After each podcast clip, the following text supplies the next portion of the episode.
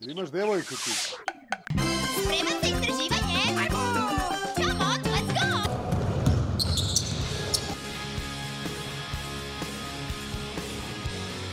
Just gonna go out, get my blood, sweat, and tears.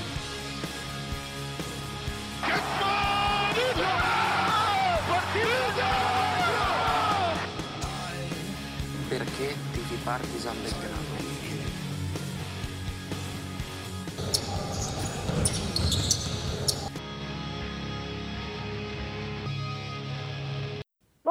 još nešto da kažem o ABA ligi. Yes, sir.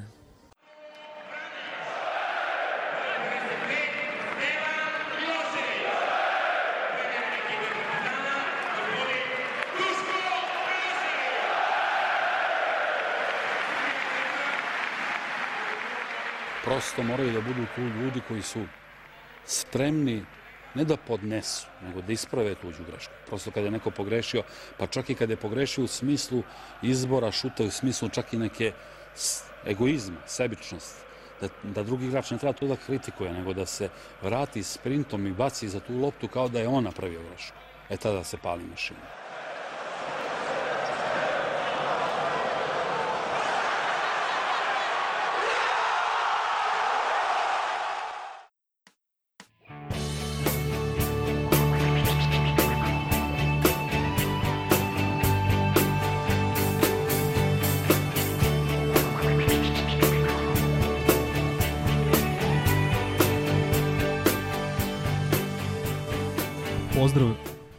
Poštovani slušalci, pozdrav e, histerikalci, navijači Partizana, a, kao jednu vrstu novogodišnjeg poklona a, spremili smo vam a, intervju sa čovekom koga ne znam kako, odakle da krenem e, da predstavljam. A, ajde da kažem za početak da je to najtrofejniji trener u istoriji košarkaškog kluba Partizan, što je valjda dovoljno samo po sebi. A, jedan od najvećih košarkaških umova koji su ovi prostori pa i čitav kontinent a, izrodili a, veliko mi je, velika mi je čast i veliko zadovoljstvo da danas u trećoj epizodi ove naše košarkaške klinike ugostim a, Duleta Vujoševića. Još jednom mislim da mislim meni je velika čast i zadovoljstvo a verujem da ćete svi uživati a, u narednih sat vremena. A, Dule, jedno pitanje, ono najbitnije za početak, kako ste, kako zdravlje i kako provodite vreme? Prvo želim da pozdravim sve one koje imaju interese živaca da ovo prate. Što se tiče zdravlja, nije loše. E, Meni ovaj bubreze ne funkcionišu i onda idem na e, dijalizu koja je dosta teška. Znači, tri puta nedeljno e, radim dijalizu e, koja traje 4,5 sata mm, i ide kroz onu mašinu e, za prečišćavanje krvi se provede preko 90 litara krvi, što znači svaki čovek ima 7% od svoje suve težine, 7% je e, količina krvi koju ima, znači skoro 20 puta se provede kroz mašinu tokom jedna, jedno, jednoga ovaj, tretmana i onda taj dan dok se vrate ti elektroliti sve u neku stabilnost i ovaj treba vremena i taj dan mi je onako neću kažem propao, ali počinje negdje u 17 časova 18 časova uveče da mogu da izađem da u tom smislu kad sam radio na primjer i, i u Rumuniji pa imam trening ovaj, popodne obaveže me da i taj dan imam aktivnost i da se osjećam koristan. Ovu godinu uh, sam ovaj, odredio da se odmorim i da odradim te medicinske preglede koji bi pokazali kakvo je stanje mog organizma po pitanju eventualne transplantacije. Jer samo sa transplantacijom vratio bi se u punu neku funkciju i ovaj, ne radim u kontinuitetu na tome, ali ipak ostaje to neka moja onako osnovna orijentacija za ovu godinu. Ne, mislim, ne, ne, ne, ne do 31. januara, nego mene su ove godine ona sezona, kraj jedne i početak sledeće, oni, prva polovina sledeće. i sport. A gde je tu vreme za košarku? A, vi ste čovek a, koji je kroz čitav život bio potpuno posvećen tom poslu, tom pozivu. A, gotovo nisam čuo nikoga da je dao intervju, a da nije vas naveo baš kao primer nekoga ko a, daje 100% sebe a, košarci i tako dalje. Ka, kako, us, kako uspevate, pored tog, da kažem, a, rasporeda i brige o zdravlju, da pratite košarku, kako volite da gledate košarku? To je recimo zanimljivo možda pitanje, da li volite uživo, da li vo- volite e, preko TV-a u direktnom prenosu ili recimo u snimku da premotavate ili nešto Jedino što ne volim snimak. Pa, ovaj, naravno, kad si direktno prisutan, onda je, i kad imaš neko dobro mesto, govorim i sa aspekta moga slabijega vida, ovaj, ipak je to on- onaj potpuni neki doživljaj. A e, na ovoj hiperprodukciji utakmica koja ide ovim sistemom takmičenja opet biram.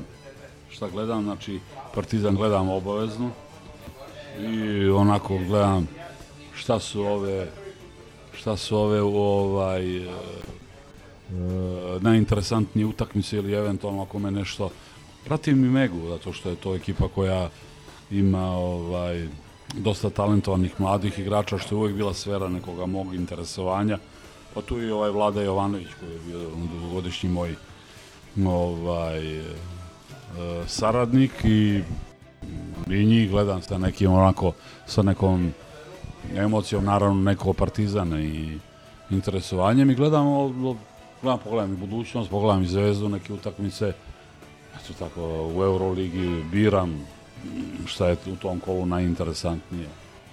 A ima dosta trenera koji gl- biraju trenere koje gledaju, recimo, ali to je verovatno reč o mlađim trenerima. Pa to, to nije loša orijentacija za neke mlađe trenere, ali evo ja sam ove godine e, držao seminar e, ovaj, e, za e, udruženje trenera Slove, u Sloveniji koja u Novom mestu je bilo, bili smo smešteni u nekoj banji pored Novog mesta oduševljen sam Slovenijom kako izgleda, mislim, stvarno je ona zelena država i nažalost ovaj, imam utisak da su od Srbije odmakli ovaj, 100 godina, ne kažem nažalost za Sloveniju, nego za Srbiju.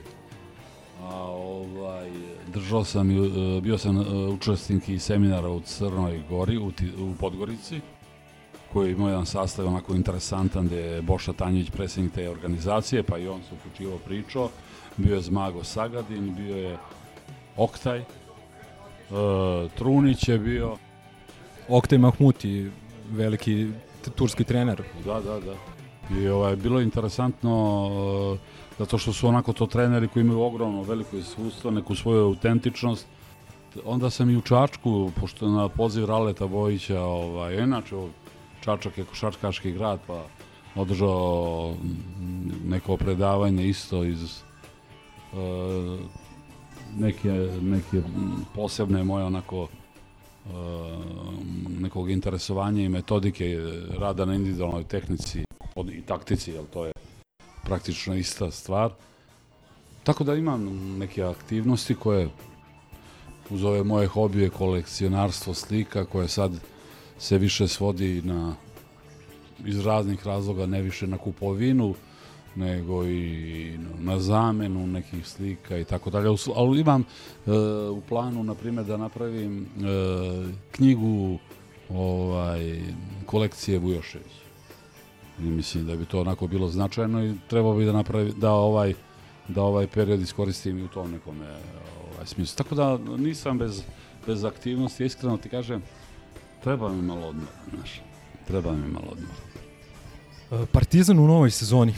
Generalni neki utisak, čini mi se da je posle dosta, dosta vremena ponovo se Partizan vodi onom vašom da Partizan mora da ima ili šampionski tim ili tim koji će da bude šampionski možda u trenutku kada ovo snimamo, to je negde kraj decembra 2021. ovaj tim nije šampionski, ali on može da postane, ja sam u to apsolutno siguran. Kako vi vidite, pre svega sastav tima, e, selekciju i prolazno vreme koje je za sada jako, jako dobro. Znači, smatram mm, velikom stvar za Partizan povratak Željka Obradovića. Jer on jeste najuspešniji košarkaški trener svih vremena. Ako, osnovni kriterijum za e, ako se procenjuje vrednost nekog trenera je rezultat.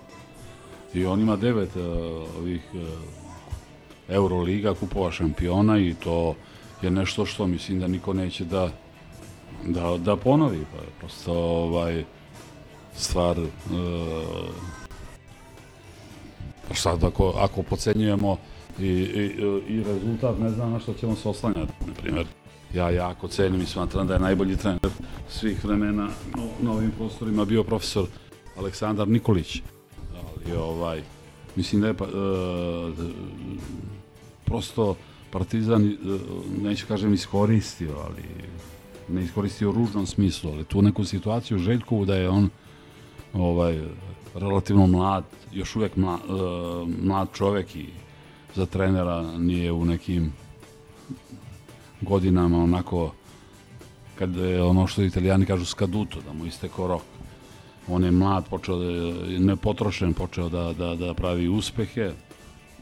Pametno je vodio svoju karijeru. Prošle godine je napravio pauzu i tokom te pauze je osetio da praktično mu košarka nedostaje. E, u, u Beogradu koji je uz Čačak e, njegov e, njegov grad ili možda i više od Čačka ovaj, kako, kako e, je vreme prolazilo e, on se osjeća dobro i e, iskorišćena ta situacija i to što je on u Partizanu napravio te prve uspehe i dobio šansu što je bio igrač Partizana, što je vezan za taj klub, što su tu i ljudi ovaj, i, i Ostoja Mijajlović koji je iz Čačka, znači e, još neki ljudi u koje on ima ovaj poverenje. Država je osetila neku potrebu da e, Vučić po mom mišljenju da u ovoj predizbornoj godini olabavi malo taj odnos prema Partizanu i da mm, opusti malo te e, ovaj glasače koji su partizanovci da zaborave šta je sve zlo uradio. Sad u ovim u, ovoj predizbornoj godini e, e, i o, a objektivno s druge strane i dr, to je dobra stvar i za državu što se on vratio tako da je on je bio tu prosto jedan magnet koji je ovaj bio u stanju da skupi određeni broj ljudi u upravi da dovede e, igrače koji ne bi došli u Partizan i u ovu državu u ovim uslovima da on tu nije prisutan naravno da su se navijači prepoznali to i posle dugogodišnje gladi bez ovih e, osim kupa nekih rezultata odazvali su se isto u velikoj meri i to sve jedan, je jedan veliki potencijal koji će se realizovati da li tokom ove godine ili tokom sledeće godine. Određeni igrači su imali i, ovaj ugovore koji su prosto ovaj morali da se nastave e, s druge strane kad se pravi tako selekcija neminovno su i, određe, i neke greške. Ako se ako, ako, ako je 30% greška to je dobar rezultat. I nikad ne znate do kraja igrače dok ih ne stavite u stvarnu situaciju da ih vi trenirate, da ih vi vodite na utakmicama, tako da će on ove godine ovaj e, imati priliku da e, da, da, da do kraja e, stekne ovaj neko, ne, ne, neku predstavu o tome timu kakav je ove godine i mislim da će u, tek sledeće godine doći do potpunog izražaja njegov kvalitet i značaj onoga što je, što je ovaj on dove- doveden u, u Partizan. E sad, e, ove godine bio bi fa, stvarno fantastičan uspeh da se na jednom od dva e, koloseka kojim se ide do eventualno, eventualne Eurolige stigne do Eurolige. E, prolazno vreme je takvo da to ne sprečava, ali da kažemo da nije perfektno. Čak mislim da ove da ovog trenutka bi rekao da su veće šanse da se to uradi kroz euro ovaj euro kup Mislim da je najveći trofej ove godine što je Željko došao. I ovaj, što je to stvarno ozbiljan projekat, što on prosto svojim svojim imenom, harizmom, rezultatima ovaj, vuče mnoge stvari i naravno ima kredit e, da e, dobije ade, adekvatno vreme, jer ništa ne može da se uradi instant ovaj, e, i prečicama, nego, nego da dobije potrebno vreme da se, da se rezultat napravi. Neki sino, sinonimi vezani za vaše ime i vaš košarkaški rad e, su upravo rad i trening. Ovaj, e, vi ste neko ko je zaista dosta značaja pridavao kvalitetnom treningu. Koliko novom timu kakav je Partizan, dakle a, tu je čini mi se devet, evo sada sa Lesorom i 10 novih igrača, koliko novom timu znači trening, A, čini mi se da je Partizan igrao najbolju košarku tamo u onom periodu kada je tek počeo Evrokup, a, kada je izlazio iz jednog jakog treninga da je imao jednu utakmicu a, sedmično. A, e sad, kada se u- ušlo u taj neki malo a, ja, a, intenzivniji ritam utakmica i nešto manje vremena za trening, javili su se i prvi fizički problemi sa povredama i nešto slabija forma. Partizan sada ima a, 20 dana gde će biti uglavnom u Beogradu, gde ima samo jedno gostovanje u Podgorici. A, dakle, ima vremena sada za malo jači trening, ali da se vrati na pitanje koliko novom timu znači a, trening ka, kao sredstvo da i individualno i timski se poboljšaju. Svakom timu bi trebalo znači jako puno trening. Novi sistem takmičenja gde je ogroman broj utakmica smanjuje mogućnost i značaj treninga. Smanjuje mogućnost e, periodizacije treninga, pravljenja mikrociklusa u onome nekom ranijem tipu kad su bile jedna pa maksimalno dve utakmice nedeljno u određenom nekom periodu. Sve koliko ja, svaki trener ima i svoju metodiku, ovaj, koliko ja znam oni rade jednom dnevno, taj duži trening ko- kombinacija i košarkaškog i ovoga e, održavanja e, i razvoja fizičkih sposobnosti ili to kondicionog dela. Naravno, najbolji trening i utakmica. I sva- u- svaka utakmica menja bilo koji trening, a nijedan trening ne može zameni utakmicu. Tako da Željko ima svoj specifičan ovaj način uh, ovaj uh, rada koji je na, s kojim je napravio puno rezultata uh, i, i uh, ko- koliko ja znam onako malo ne direktno nisam gledao nijedan trening ali opet se čuje da radi sa povraćenim entuzijazmom, sa mm, dobrim intenzitetom, e, da je ovaj neki novi početak u Beogradu koji možda će biti i kraj neke njegove trenerske karijere, da završi tamo da je počeo, ovaj, e, da ga je podmladio i da radi sa nekom energijom onako koja je potrebna. Tako da ova pauza koja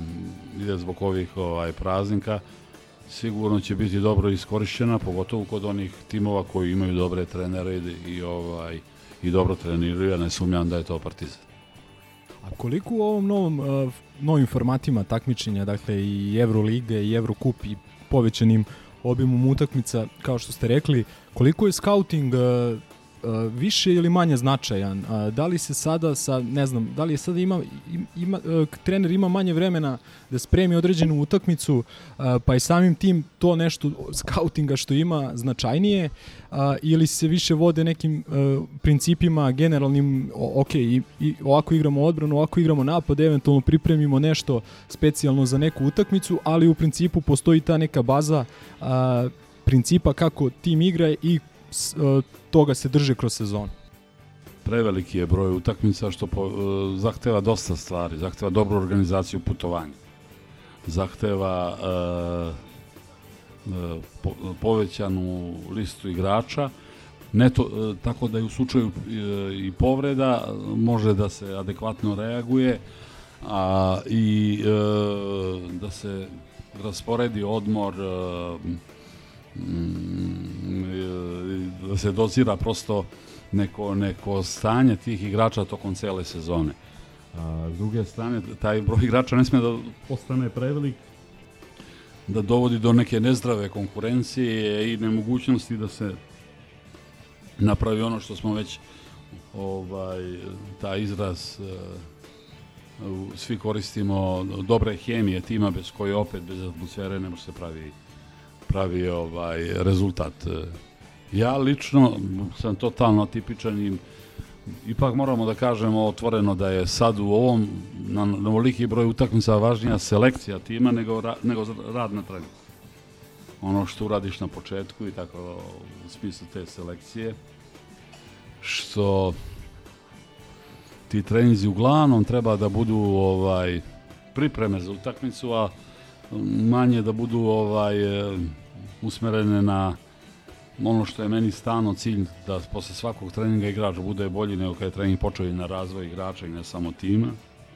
Meni lično je e, trening važniji od utakmice. Ja sam tu totalno atipičan i e, ovaj pa samim tim nek, neka, neki scouting mi nije posebno važan. Imao sam uvek saradnike koji su to dobro radili, pripremali, s time što sam gledao da ne opteretim tim sa previše informacija i da ih ne, ne zamorim sa ne znam koliko ovaj e, gledanja tih e, video prezentacija protivnika. Na početku sezone se, kad su u pitanju te video prezentacije, više pravi migron svoga tima nego protivnicima. Normalno, kako se približava play-off, onda u play-offu mora da najvažnije i mora da se ovaj onda se povećava ne broj informacija nego važnost skautinga jer opet se informacija treba svojiti na najbitnije svojiti na ne, ne, ne, jer što je manji broj tih pravila veća je mogućnost njihovog poštovanja od strane igrača i prihvatanja. Sad e, postoje tu znači specijalisti ovaj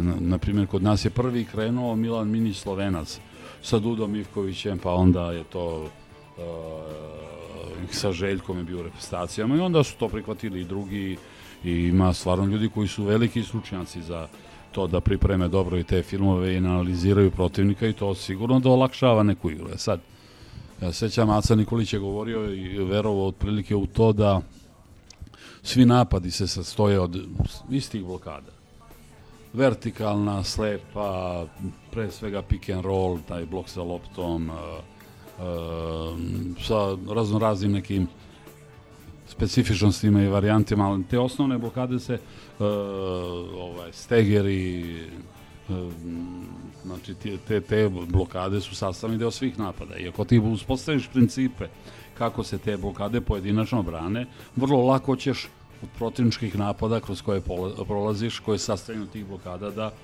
da dođeš do toga da te one ne iznenađuju. E, odnosno da te akcija ne iznenadi. Takođe ima trenera koji ovaj e, igraju napade svoje, e, svoje ekipe e, koje sadrže sve te blokade i onda kad spremaju mm, utakmicu kažu to je kao ta naša na primjer pesnica koja je sastavljena od toga i toga i prođu korakom kroz to i ponovo su igrači spremni. A takođe se ovaj zavladalo je čak i neki treneri u ovo vreme zovu vremenom preuzimanja Mesina kaže u odbrani koji je ovaj je postala dominantna odbrana i koja jako isto smanjuje potrebu za velikim skautingom. Jer rade preuzimanja na, na te protivničke napade, principi su isti u nastavku kako se brani mismatch ovaj, mali protiv visokog ili visoki protiv mali, isto zavisi od principa i tako da i ta odbrana onako prosto ovaj smanjuje vreme koje je potrebno da se da se detaljno radi neki scouting. Ja kažem nisam bio neko ko je ko se time previše bavio i ne znam ovaj da li je to što sam ja tako radio ovaj dobro pogotovo kada je u pitanju upravljanje brzog rezultata. A kad smo kod pravljenja rezultata i baš kad smo kod e, tog e, pojačanog e, ra rasporeda, odnosno pojačanog broja utakmica, dolazimo i do jednog fenomena koji je postao apsolutno neizbežan u aktuelnoj košarci, neću kažem moderno jer uvek je košarka moderna, ta koja se, koja se igra ta, u tom trenutku je moderna. Ali u aktuel, aktuelnoj košarci s ovim brojem utakmica a, fenomen do selekcije je nešto gotovo neizbežno. Ja sam pokušao da se setim i a, ne uspevam da pronađem tim koji je u prethodnih deseta godina osvojio ABA ligu, a da nije napravio a, određene igračke promene u toku, u toku same e, sezone. Kako vi vidite na to? Da li je to neko nužno zlo i u kom trenutku e, trener e, proceni da je vreme za određeni kat, da, za određenu izmenu ili za dođenje novog igrača? Znate šta, sve zavisi pre svega od, od ovoga, od ciljeva i budžeta. Oni moraju da budu, kako to kažem, sinhronizovani. Ne možete da imate velike ambicije, a da nemate velike ovaj, finansijske mogućnosti.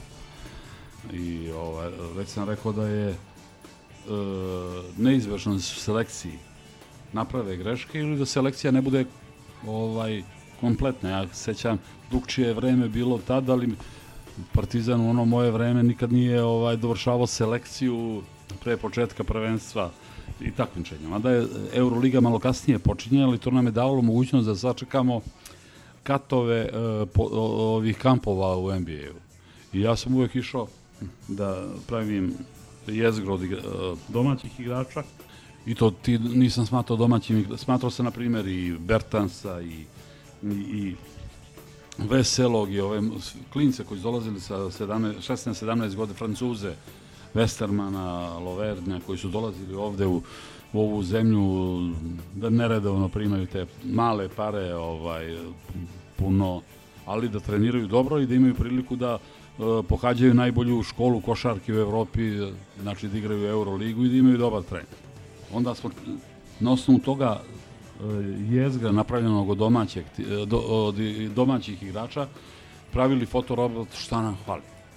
I na osnovu toga dovodili ta dva stranca ovaj e, kad kažem stranca mislim američke profesionalce ovaj gde smo često puta i čekali kažem imali vremena sačekamo katove na ovim e, e, kampovima NBA klubova i imali tu informacije od mm, skauta ovih e, NBA, e, NBA klubova za koji dosta su i ovi naši neki igrači Žarko Đurišić, Danko Cvetičanin koji d- d- zvali se telefonima i dobijali smo informacije o karakteru i svemu tome i gledali da se to uklopi.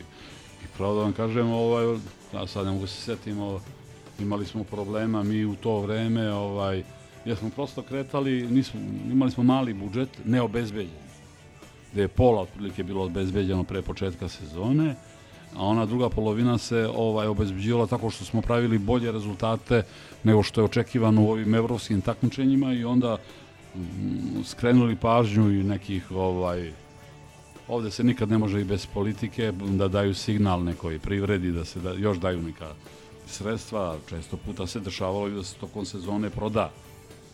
Najbolji ovaj, igrač Peković na primjer one godine i da on više ne prima platu nego da apart, klub da dobije već pare.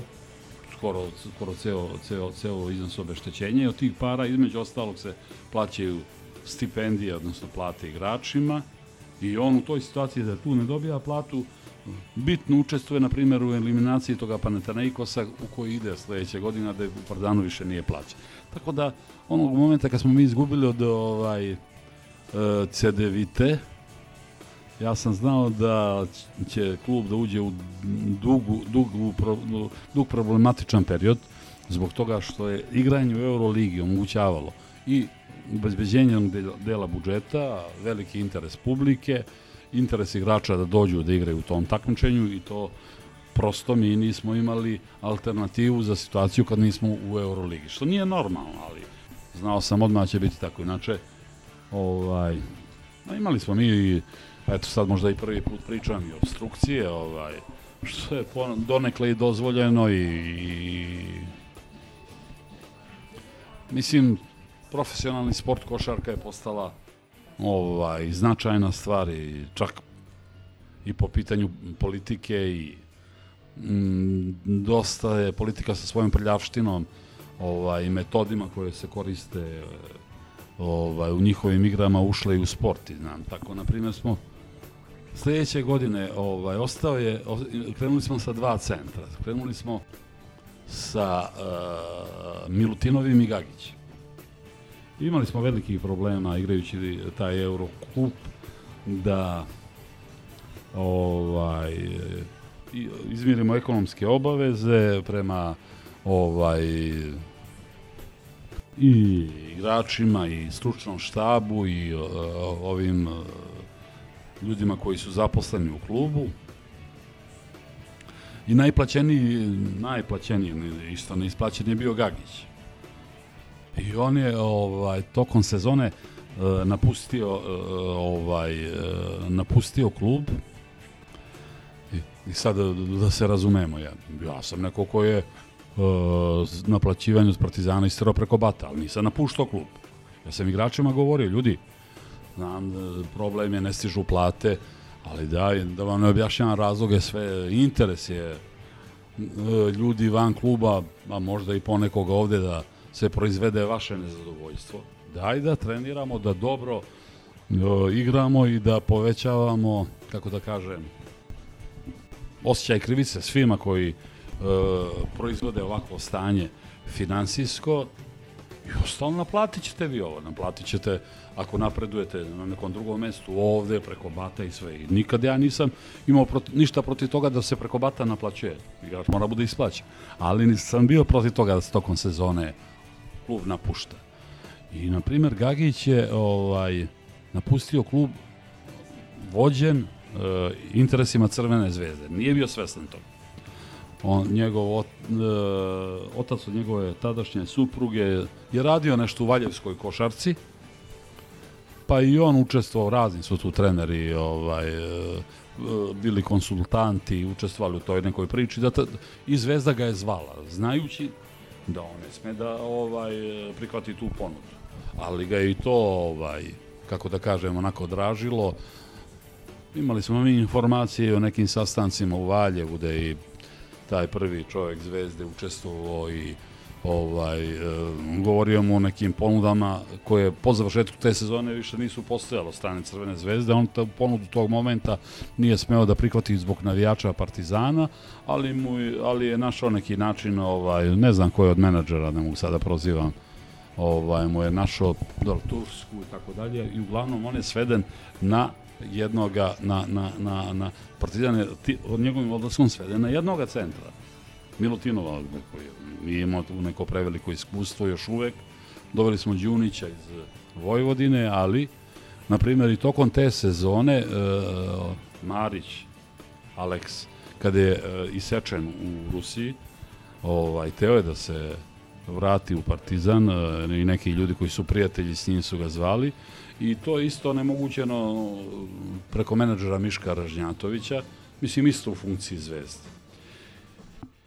Za ove stvari, pogotovo za Gagića, znam e, tačno ovaj, šta se dešavalo, ono što je interesantno i što mi je e, ta situacija s Gagićem e, ovaj, navela na razmišljanje koje je verovatno trebalo da se ima i, i mimo toga, a to je situacija od prethodne sezone sa Kinsijem. Kinsije se zvaše, jel? Da, da. koji je posle povrede e, na utakmici sa Cibonom u Zagrebu. Cibonom u Zagrebu vrlo teško, to je bila povreda skočnog zgloba koja nije bila jednostavna i teško je išao na oporavak i e, ali on pokazao veliku tu neku, kako da kažem, nepoverenje u tadašnji medicinski stav Partizana i tako dalje. Pa ide u Ameriku čuje njegove lekare i sve i on je praktično izbegao da igra završne utakmice, znači finale Jadranske lige u areni, koja je dobila e, Cibona, ali sećate se te odlučujuće utakmice sa Devitom Nažalost, sećam se. sve, e, znači, kako bi drugčija bila ta utakmica da je Kinsi koji je nosio... Kinsi koji je uh, mesec Značio- dana pre toga dao 30 i nešto poena lokomotivi Kuban u Beogradu gde je nosio Gde je ekipu i I onda mi je vrlo sumljiv taj njegov e, prestanak e, tokom sezone da igra za Partizan i, i odlazak u, Crvenu zvezdu ovaj, sledeće sezone da igra. Tako da iz ove perspektive i sa malo naknadnom pameću, a pogotovo sa iskustvom u slučaju Gagić, čini mi se da je to bio paket aranžman. A, a recimo ima već e, već se pojavljuju neki znaci nezadovoljstva među navijačima Partizana a, s- igrama određenih igrača sadašnjih u sadašnjem timu a, pozivaju se naravno odmah promene a, isecanje i tako dalje ja sam se e, prisetio Milta Palasija koji je došao kao jedan vrlo kvalitetan igrač, igrač sa jakim CV-em, ali u prvih par meseci te sezone e, nije pružao partije kakve su se, ajde da kažemo, od njega očekivale, da bi u onoj top 16 fazi Eurolige postao možda i najbolji igrač. A, koliko je e, potrebno... E, Da, čuveni Milutin. E, ovaj, koliko je teško i za trenera da istrpi nekoga u koga veruje i ovaj, da kažem da ne podlegne to nekom pritisku sa strane. Pa navijači moraju da pretpostave jednu stvar, da Željko Obradović zna malo više košarku od njih. I da sigurno više od njih, ovaj, ili najmanje kao i oni, želi uspeh. I da on ovaj, je čovjek koji o, stavlja uspeh e, iznad svega, e, neće puno da se bavi ni razvojem igrača po cenu. Mislim da je Bogdanović to negde rekao fino, njega ne interesuje ni ko je mlad, ni ko je star, njega interesuje onaj komu tog dana dobija utakmicu. I ovaj i ne treba da se brinu u tom smislu da na njega vrše pritisak. On sam na sebe dovoljno vrši pritisak da e, ovaj da će izmeniti svakoga ovaj ko- koga sprečava da napravi uspeh, ali mora shvatiti jednu stvar. Nije tržište, pogotovo na određenim pozicijama. Vidite koliko je bilo problema da dovede centar. Nekad je, nekad ono tamo kad, kad sam ja počinjao, bilo je manje NBA klubova.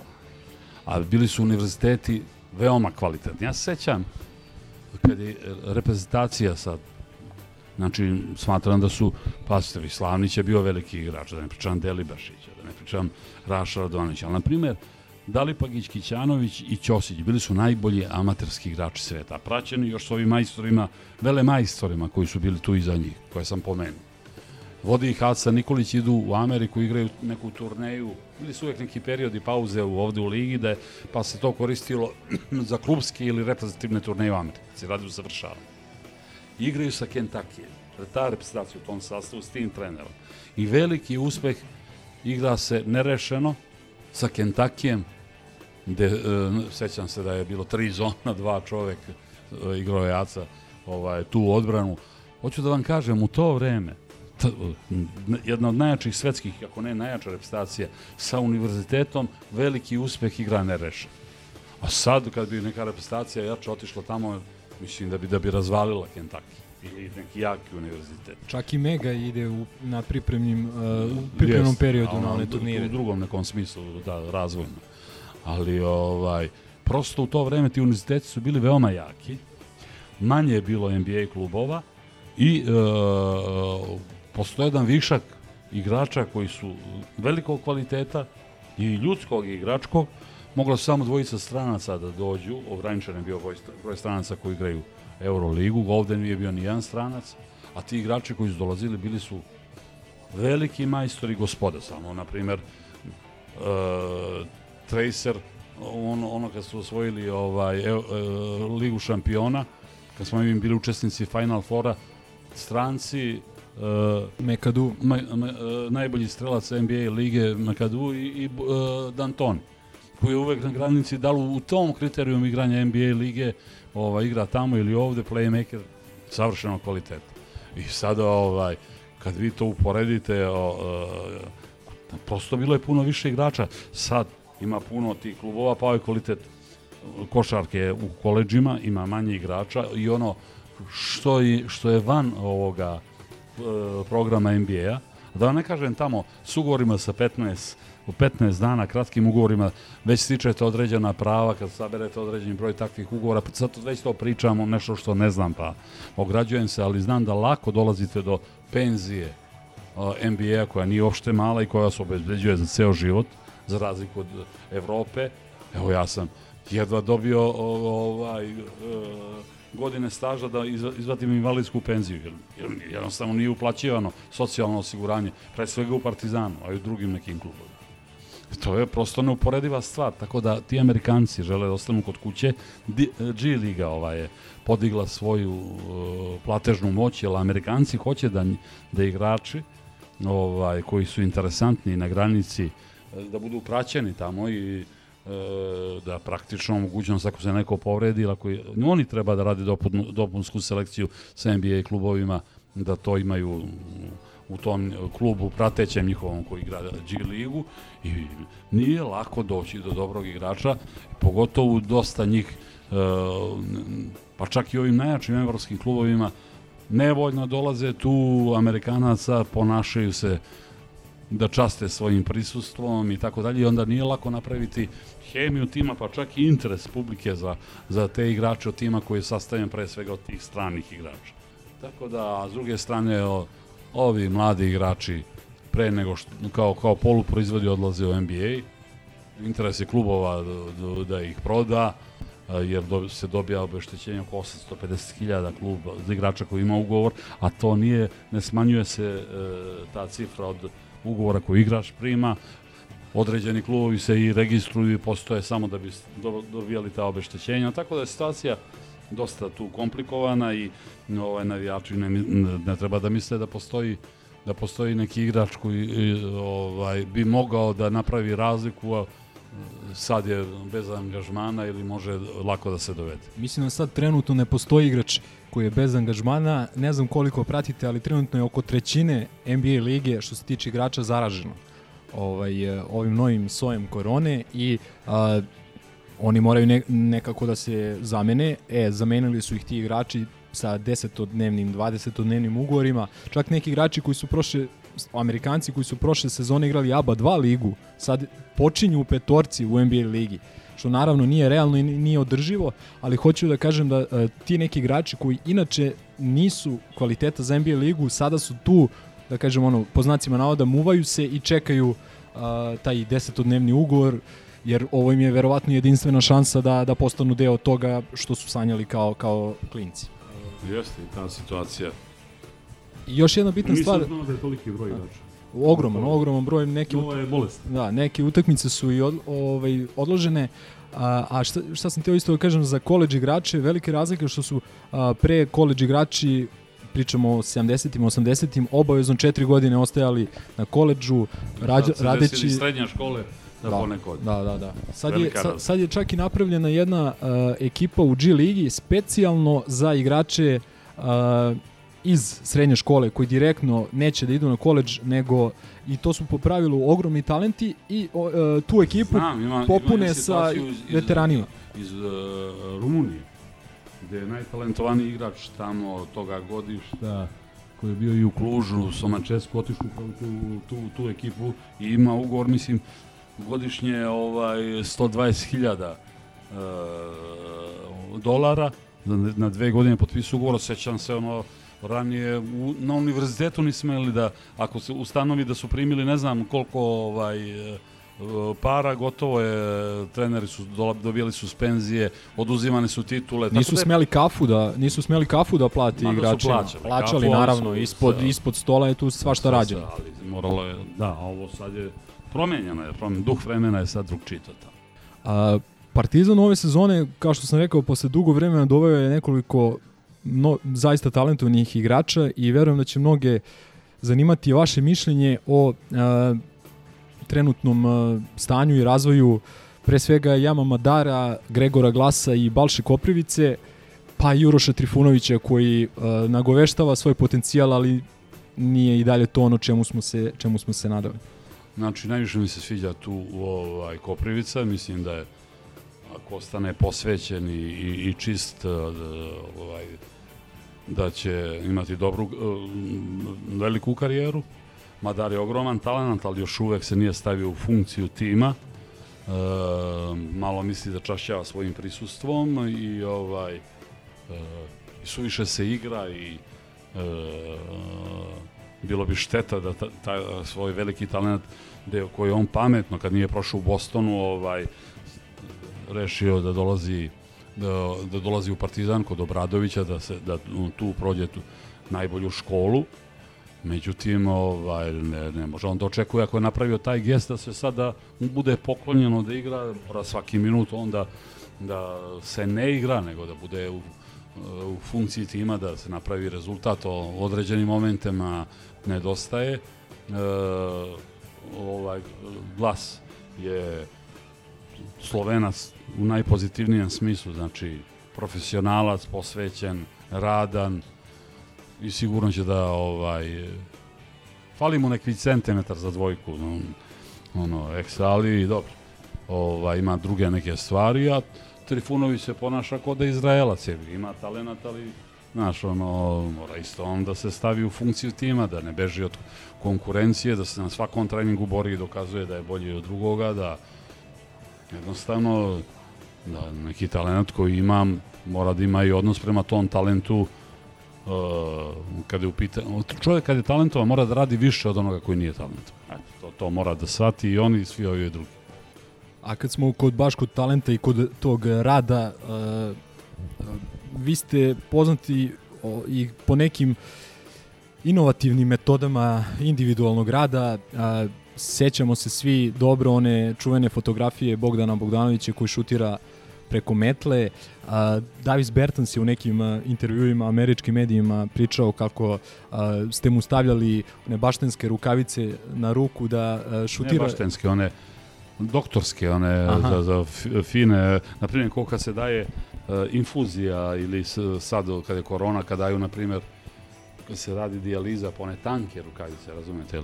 Na taj način se, jedan od načina kako se ja mislio da se razvija ta to, to uh, osjećaj, taj dodir, jel, ako mu otežaš, da mora u toj situaciji da da ovaj, uh, tražio sam neke metode uz pomoći nekih saradnika i nekih stručnjaka za druge stvari koje možda i nemaju veze sa sportom i tako dalje. Tražio sam te metode, da.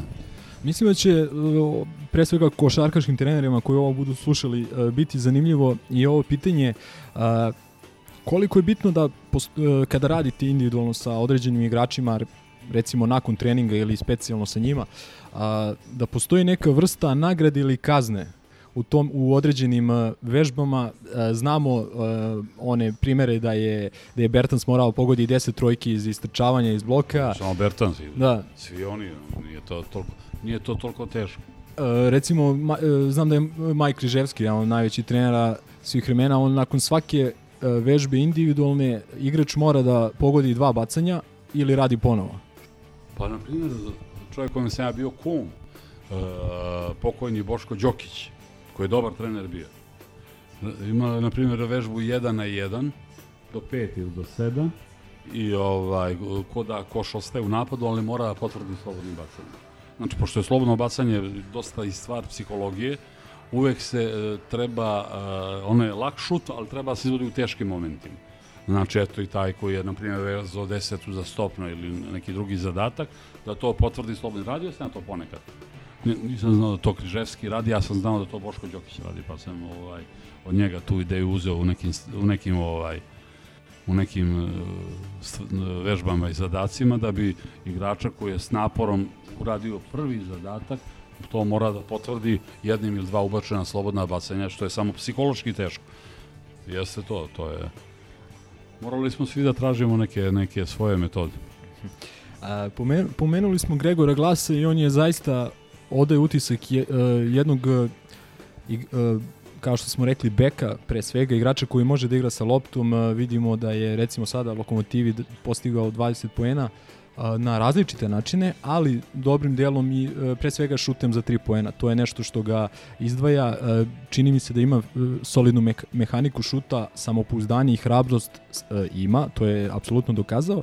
A, I sad, pošto je u žiži prethodnih par nedelja bio Curry a, sa ovim svojim rekordom po broju pogođenih trojki, gde je on pa, a, 2000, oko 3000, 2800 mislim, ovaj, a to je uradio za, čini mi se, 500 utakmica manje od Realena, a, koji je do tada a, bio a, držao taj rekord, a, što govori da se košarka u određenom a, smislu a, promenila e, i da se sada mnogo više šutira.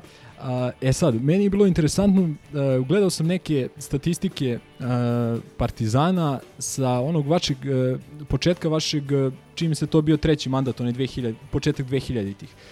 A, recimo, interesantno mi je bilo da je a, Šćepanović tada šutirao gotovo 7 trojki po utakmici, da je Vujanić u jednoj sezoni šutirao, čini mi se, oko 5, a u drugoj 7, čini mi se i da je tad šutirao najviše trojki u Euroligi.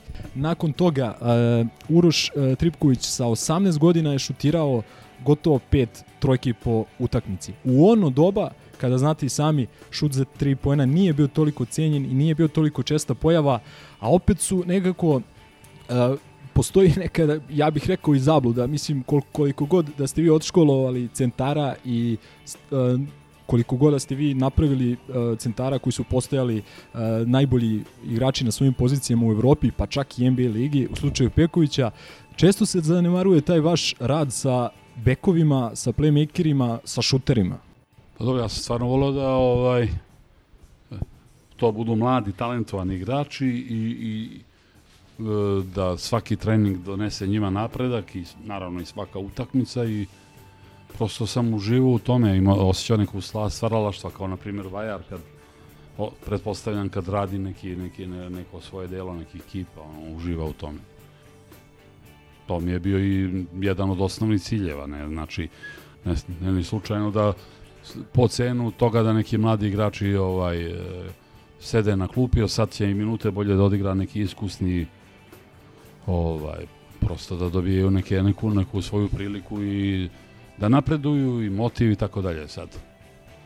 Te najteže u životu će da vam ovaj, oproste ljudi kojima ste mnogo pomogli, a da to nisu unapred zaslužili, ali što kaže ova Milunka Savić, nisam tužna, nisam tužna. ovaj, kako kažemo, nisam tužna. Zaboravio sam više. Ali ovaj, e, bez obzira na sve, ja bi to radio, prosto takav sam imam potrebu da, da ovaj, mm, e, možda opet malo mudrije, malo vodeći više računa o nekom rezultatu i tako dalje, ali opet bi mi to bio prvi i osnovni cilj. Što se tiče, prvi put sam ja čuo od Novosela, na nekom turniru smo bili Španija, tek počela se razvija, bilo samo dva velika kluba, Barcelona i odnosno Real i Barcelona ipak. Ovaj, bili smo na nekom turniru gde su, da li Gran Canarije, sve, on je otišao u posle onoga skandala sa odlaskom ovoga Dražena Petrovića. On je otišao u, u, u, u ovaj e, u Napolj, mislim. I uvek sam ja bio dobar s njim i onda je on pričao i tu sam prvi put čuo tu njegovu neku ideju i bio je trener Žalgirisa, kako se zove ovaj e, čuveni stari, vodio je rusku reprezentaciju, onaj što je priznao da je Volkov, ko, koš Volkova važeći da na svoju štetu je izgubio šampionat, kako se zvao, genijalan, Garastas. Garastas. Evo, od njega sam naučio jednu vežu ovaj, kako oni igraju 3 na 3 na, do, do, o, na celom terenu, samo šut sa 3 poena. I, ovaj, i, e, a Novosel mi je rekao da to pravilo 3 poena je dobro između ostalog što, na primjer, šut 50% je dobar šut, iako, na primjer, se dva, e, šut sa 2 poena je 50% 3-3. A sa, sa, ako se sa 3 poena šutira 6 od 2, to isti rezultat, znači ubacite dve trojke, isti je, isti je dali ste šest koševa kod da ste šutirali e, od, e, od, od 6-3 sa dva poena, a imate priliku više za skok.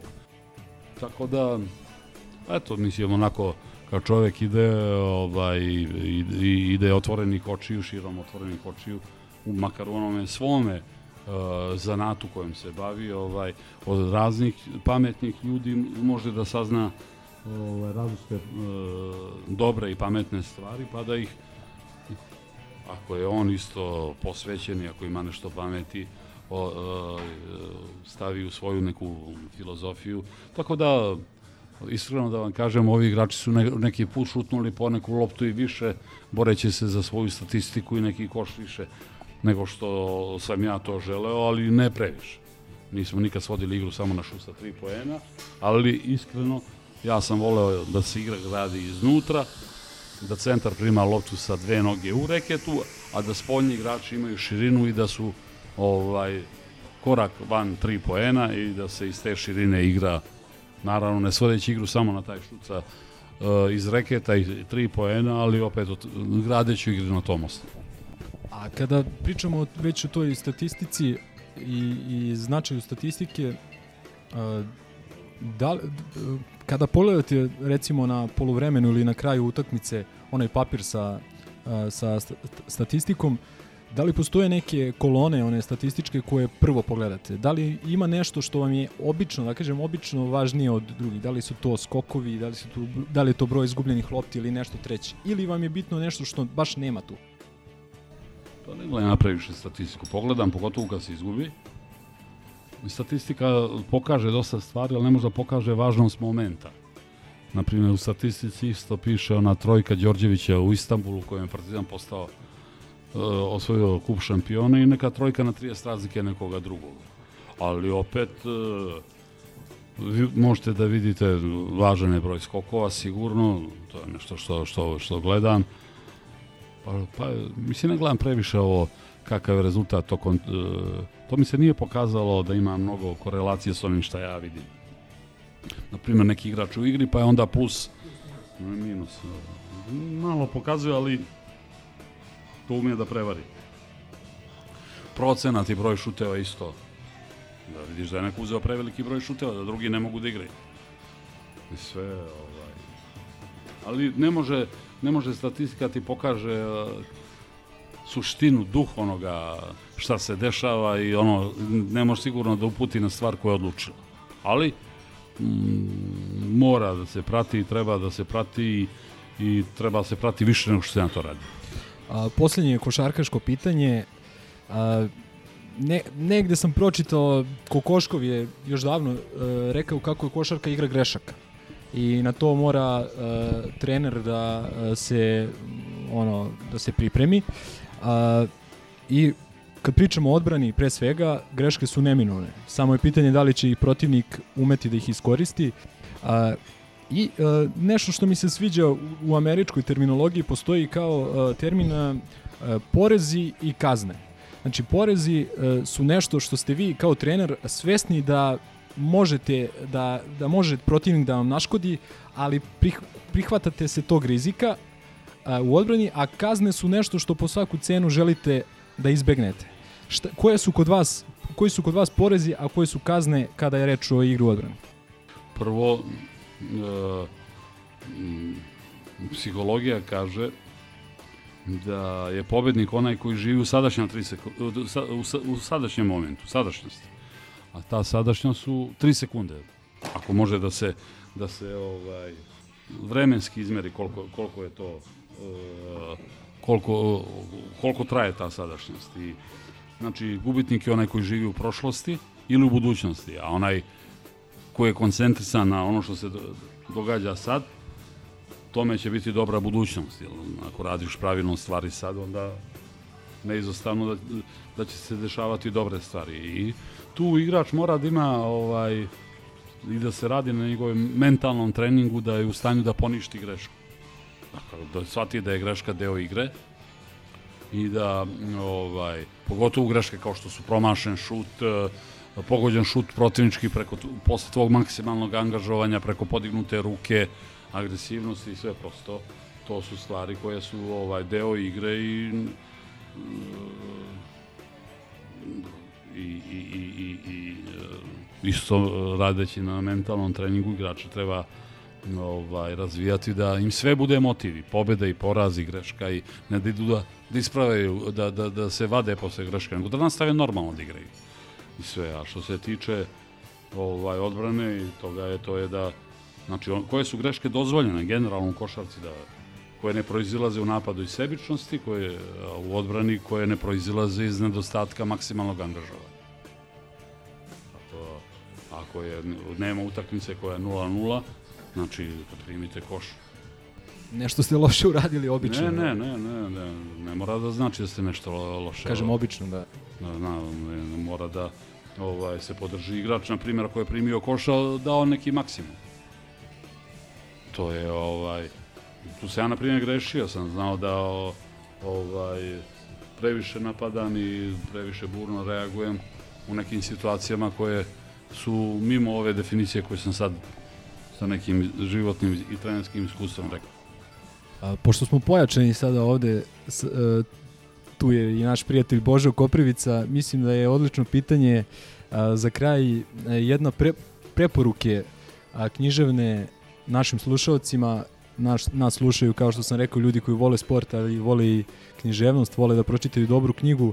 Šta Duško Ujošević i Božo Koprivica preporučuju ljudima u novoj godini i šta im, eto, recimo, poručuju za, za kraj ove i doček nove godine? O, ajde prvo ja, ovaj, koji puno manje znam to od Boža, ali, na primjer, e, onima koji nisu čitali, ja sam to već preporučio, jako volim Aleksandrijski kvartet od ovoga Darela, koji možda nauči, onako prvo čovjek možda u, uživa dok to čita i da se dobro druži s tom knjigom i a možda i da nauči puno ovaj, kroz nju tu poziciju nekog rašomona, i ako ne gledaš iz više uglova na određene situacije, koliko nisi ovaj, u stanju da sagledaš kakva je ta situacija. Ja lično sad slabo vidim i uh, ovaj, zvučne knjige ili mi neko nešto pročita, a žena, boga mi, pošto donosim više knjiga kući nego što treba, pa ima otvor prema njima i neće ni da čita, ovaj, tako da čita nešto od poezije, zato što sa nekom, nekim naučarima ovaj, koji više liče na lupu mogu poeziju da iščitam i to tu opet e, ono što sam davno predlagao ovaj, svakome bi predložio da da pročita Konstantina Kavafisa, o kome se inače u Aleksandrijskom kvartetu kao starom pesniku iz Aleksandrije, drugčije se zove, i on ima tu svoju priču, jedna od priča iz toga kvarteta. Božo, neka preporuka književna? preporučio da ne čitaju ništa. Sledeće godine da se koncentrišu. Svako ima svoj ritual kad igra Partizan. I da sve te svoje rituale is, is, ispune da bi se energija prenela na teren. Hvala puno. Uh, Dule, hvala vam mnogo na ovom gostovanju. Božo, hvala i vama takođe. Uh, mislim da će naši slušalci uživati. Mislim da im je ovo jedan, jedan od najlepših novogodišnjih poklona koje mogu dobiti. Uh, neka poruka za 2022. godinu za navijače Partizana. puno zdravlja i mm, radosti ovaj a sigurno da deo mislim ne može bez te e, velike stvari se naprave bez te simbioze publike i, i, i tim. I ovaj jeste da jedna drugu izaziva ali ovaj sa terena. Ono što sam ja bio na ovim utakmicama Partizana košarke lepo se to prati. Međutim mora kad ne ide ovaj kao što kaže ona pesma ovaj stvarno da, da, da, da oni nose tim u momentima momentima ovaj kad ne ide i da znači jedan deo te radosti ovaj da i oni sebi, sebi sami obezbede. Hvala puno. Još jednom, uh, to bi bilo to za 2021. godinu. Slušali ste treću epizodu Košarkaške klinike podcasta Partizan Hysterical i slušali ste najtrofenijeg trenera u istoriji našeg košarkaškog kluba. Uh, Hvala i čujemo se u novoj godini.